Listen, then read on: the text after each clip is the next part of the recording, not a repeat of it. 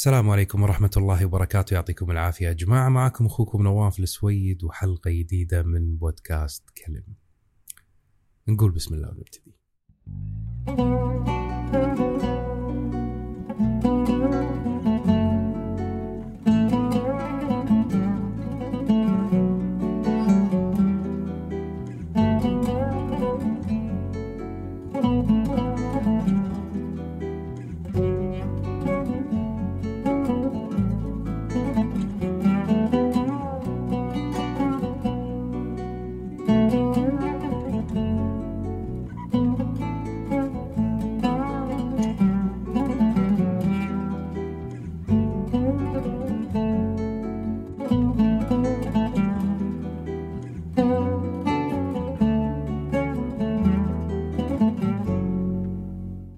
يا هلا ومرحبا فيكم أعزائي المستمعين في حلقة جديدة من بودكاست كلم أنا غبت عنكم كم أسبوع.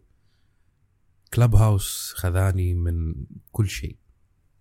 آه، شغل الحياة الطبيعية.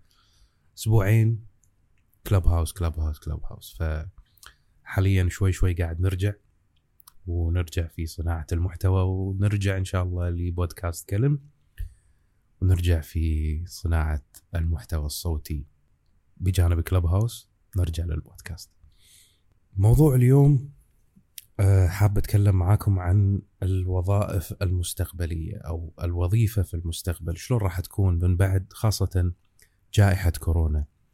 كان قبل كورونا كان متوقع بأن خلال العشر سنوات القادمة أن نقول 70% من الوظائف اللي موجودة في العالم حاليا راح تختفي وراح تنتهي وراح تطلع وظائف جديدة. يمكن كان في ناس خايفين ومتشائمين بأن المستقبل شلون راح يكون إذا إحنا راح نخسر جميع هذه الوظائف ودخول الذكاء الاصطناعي ودخول الآلة وميكنة المواضيع والصناعات راح تأثر بشكل كبير على الوظائف وخسارة الناس لوظائفها. بعد جائحة كورونا الموضوع صار أسرع من السابق. صار الموضوع الحين الناس قاعد تخسر وظائفها من قبل أصلا دخول هذه الأشياء بسبب جائحة كورونا والأوضاع اللي قاعد تصير في العالم. لكن لو بنبتعد شوي عن النظرة التشاؤمية والنظرة اللي فيها شوي سلبية ونشوف من الناحية الإيجابية شنو اللي ممكن نشوفه في المستقبل وشنو الأشياء الحلوة اللي ممكن راح نشوفها في المستقبل. راح أعطيكم شغلة سلبية بعدين نتكلم عن الإيجابية. السلبية بأن يقول لك أن لغاية عام 2025 أو 2030 راح نخسر 85 مليون وظيفة من الوظائف اللي موجودة في العالم. نظرة تشاؤمية شيء سلبي شيء محبط ولكن الجانب الآخر. خلال الخمس سنوات أو العشر سنوات القادمة راح راح يظهر لنا سبعة وتسعين مليون وظيفة جديدة. بمعنى أن 12 مليون وظيفة زيادة عن الوظائف اللي راح نخسرها راح تظهر لنا في عالم المستقبل بسبب وجود أو ظهور صناعات جديدة ومجالات جديدة في عالم التقنية وفي العالم بشكل عام. وهذا يرجع لسبب دخول الآلة مع الوظائف العامة اللي يعرفها أو الوظائف الإنسانية. مثل ما إحنا شايفين وعارفين الحين وقاعدين نشوف حول العالم بأن قاعد نسمع كثير عن إنترنت الأشياء والميكنة وإن التقنية قاعد تدخل في جميع المجالات وقاعد تسحب البساط من تحت الوظائف الإنسانية أو الوظيفة اللي يشغلها إنسان. هذا ممكن يحط شوي تخوف عند الناس بأن هل راح أخسر وظيفتي؟ شلون راح أشتغل في المستقبل؟ شنو راح أسوي؟ شلون راح أعيش في المستقبل؟ هذه سنة الحياة وطبيعتها التغيير المستمر. ولكن من يستطيع أن يواكب ويكمل في المستقبل هو الشخص القادر على أنه يقدر يتعامل مع التغيير ويتقبل التغيير ويسعى بأنه يطور من نفسه علشان يمشي مع هذا التغيير. حاليا قاعد نسمع عن مجالات كثيرة الذكاء الاصطناعي تعلم الآلة الميكنة إنترنت الأشياء. هذه الأشياء أو هذه التقنيات راح تدخل في المستقبل بشكل كبير. علشان نقدر إن إحنا نواكبها ونشتغل فيها وتظهر وظائف جديدة ونقدر إن إحنا نستمر لابد أن نتعلم كيفية عمل هذه الأشياء وشلون نتعامل معها. واحدة من أهم الأشياء اللي لازم نتعلمها وأنصح الكل سواء كانوا كبار صغار وخاصة الأهالي بأنهم يعلمون أطفالهم وعيالهم هي لغات البرمجة. في السابق ممكن كانت لغة البرمجة شيء يعني زيادة إنك تعرفه لمهاراتك لتطوير ذاتك ولكن خلال عشر سنوات راح تكون هذه مطلب أساسي في المعرفة مثل ما إحنا جاتنا فترة كان اللي يتحدث اللغة الإنجليزية كان شيء إضافي في حياته ومميز إلى أن صارت شيء أساسي في المدارس وفي الحياة اليومية بأن الناس تتعلم هذه اللغة. كذلك لغات البرمجة. لابد حاليا أن إحنا نحط بعين الاعتبار ولابد المسؤولين والدولة يحطون بعين الاعتبار بأن هذا الشيء أصبح أساسي ومهم في المستقبل وفي الحياة المستقبلية لبناء مجتمعات متطورة وتقدر أن هي تواكب وتعيش في المستقبل. فلا بد إن نعلم أطفالنا ونعلم عيالنا ونعلم نفسنا لغات البرمجة بجانب اللغات اللسانية اللي نعرفها العربي الإنجليزي واللغات الأخرى. لغات البرمجة أصبحت جزء مهم حاليا في معرفة كيفية عمل هذه الآلات. إذا علمتوا عيالكم هذا الشيء راح يكون لهم فائده كبيرة في المستقبل. تعلم لغات البرمجة حاليا ممكن الحين تشوفون بأن شنو ممكن عيالنا يستفيدون منها؟ ولكن في المستقبل راح تكتشفون بأنكم سويتوا شيء وايد عظيم إذا علمتوهم لغات البرمجة من الحين. هذا الشيء بالنسبة للأعمار الصغيرة ما راح يطول معاهم. ممكن في دورات من أسبوعين إلى خمس شهور إلى سنة بالكثير يقدر إنه هو يتعلم لغات برمجة ويقدر من خلالها إنه هو يعرف شلون هذه الأجهزة والبرمجيات تعمل وراح يفيده بشكل كبير في المستقبل. وفي دراسته المستقبلية ووظيفته المستقبلية. حاليا بالنسبة للناس أنصحكم إنكم تتعلمون هذه اللغات.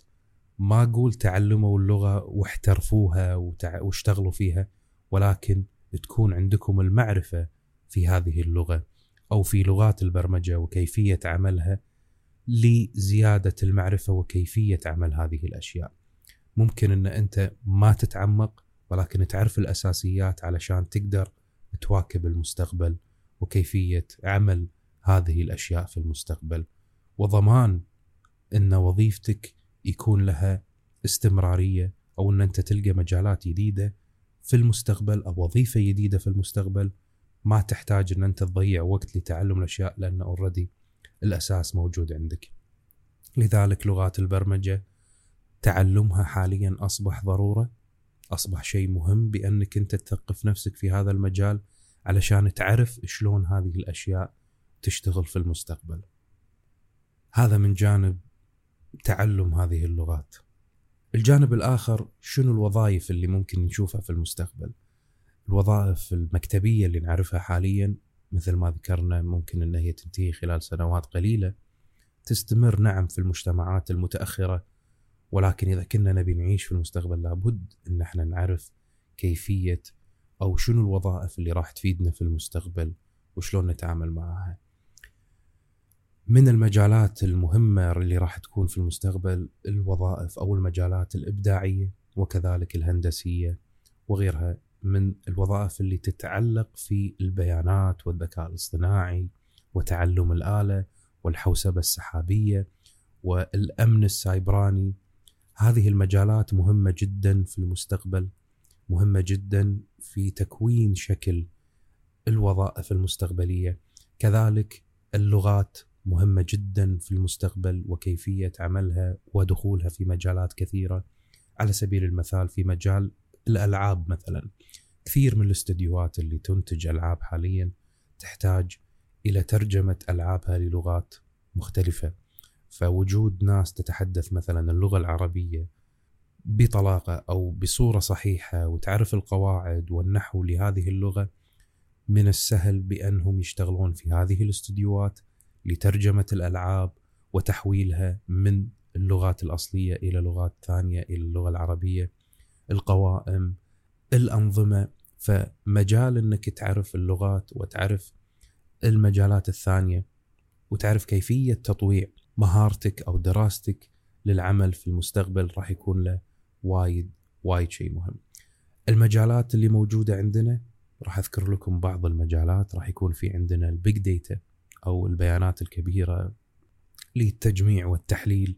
راح تظهر لنا فيها وظائف لمختصين في البيانات الكبيرة. وشلون إنه ممكن إنهم يجمعون هذه البيانات ويستفيدون منها وينظمونها.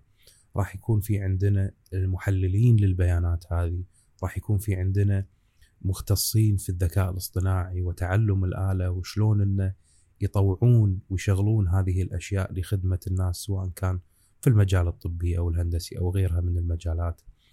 التحول الرقمي متخصصين في التحول الرقمي هذه راح تكون من المهن المهمة في المستقبل بأنك شلون تحول الأشياء والمعاملات والأنظمة اللي موجودة عندنا إلى عالم رقمي هذا كله جزء من النوعية الوظائف اللي راح تطلع في المستقبل.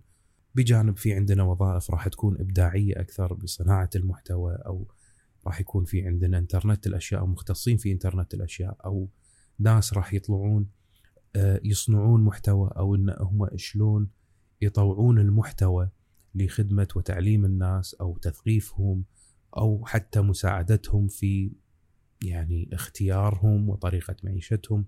فالمجالات كثيرة ومتعددة. شلون أنت ممكن تشتغل في هذا الشيء؟ لابد بأنك تتعلم المستقبل والأدوات اللي راح تفيدك في المستقبل. فممكن أن أنت صانع محتوى أو أن عندك محتوى أو خلنا نقول وظيفتك مثلا مستشار أو شخص ستايلست آه، آه، يعني تعلم الناس شلون يلبسون ويتكلمون أو يعني من من الوظائف هذه أو اللي موجودة حاليا. في الحقيقة عندنا ان لازم الحين في تفاعل مباشر بينك وبين الشخص اللي أنت تبي تتعامل معه. ولكن في المستقبل أنت تحتاج بأنك تعلم من خلال الكمبيوتر أو من خلال الإنترنت فأنت تحتاج تعرف شلون تتعامل مع الكاميرا ومع الإضاءة. فأنت محتاج بأنك تتعلم التصوير وصناعة المحتوى وشلون تقدم المحتوى هذا عن طريق وسائل التواصل الرقمية وليست الفعلية. فهذه المهارات وهذه الأدوات وهذه الوظائف الجديدة راح تكون من الطرفين. طرف يعلم وطرف يتعلم وطرف يقدم الخدمة وطرف ياخذ الخدمة. فمجالات واسعة ولكن لابد بأن نعرف الأدوات اللي راح تفيدنا في المستقبل وشلون إن إحنا ناخذها ونستخدمها ونستغلها لحياة أفضل وحياة أجمل في المستقبل اللي راح يكون بوجهة نظري شيء جميل جدا بإذن الله. شكرا لكم على استماعكم لهذه الحلقة. أتمنى بأن ما ننقطع بشكل أكبر من أسبوع أسبوعين إذا لا سمح الله صار شيء. ولكن إن شاء الله نستمر معكم في بودكاست كلم. شكرا لكم على الاستماع ونشوفكم إن شاء الله في الحلقات القادمة. مع السلامة.